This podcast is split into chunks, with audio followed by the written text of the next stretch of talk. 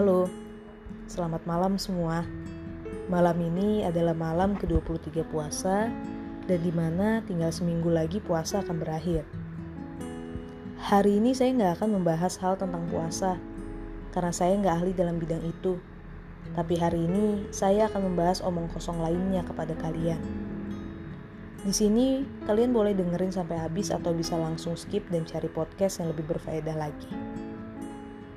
Jadi, kali ini saya akan berbicara perihal saling menghargai.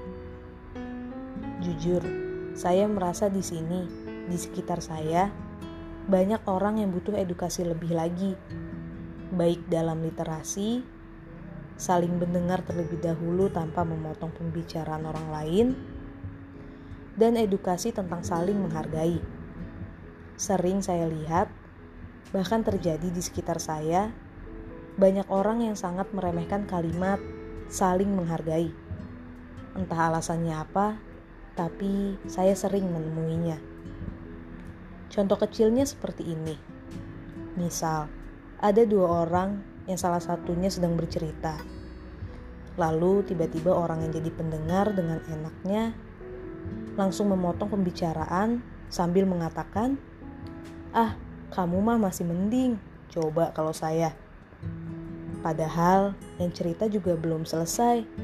Eh tapi udah dipotong aja dan langsung bandingin lelahnya dengan orang yang sedang bercerita. Padahal sejatinya lelah itu bukan suatu perlombaan yang harus dimenangkan atau dikalahkan. Ya, itu salah satu contohnya yang sering terjadi dan sering saya lihat. Kadang kalau saya nemu orang yang begitu, saya masih mencoba ber berpikiran positif. Oh, mungkin dia yang lebih butuh didengar daripada saya. Meski kenyataannya, tetap aja itu gak sopan untuk dilakuin dan sangat-sangat gak menghargai orang yang sedang bercerita. Iya kan?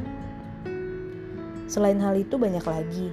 Seperti contohnya ada orang yang meremehkan pekerjaan seseorang, meremehkan gaji seseorang, atau bahkan meremehkan kesukaan yang buat mereka senang atau bahagia.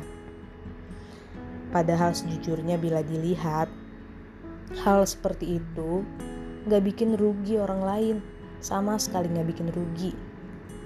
Coba nih ya, seandainya banyak orang yang bisa saling menghargai, mungkin gak akan ada kata meremehkan yang keluar dari mulutnya, dan mungkin mereka nggak akan merasa segalanya yang ada di dunia ini berputar untuknya. Dan mungkin bila semua orang bisa saling menghargai, mereka pasti akan merasa senang atas pencapaian atau atas apa yang membuat orang lain senang. thank you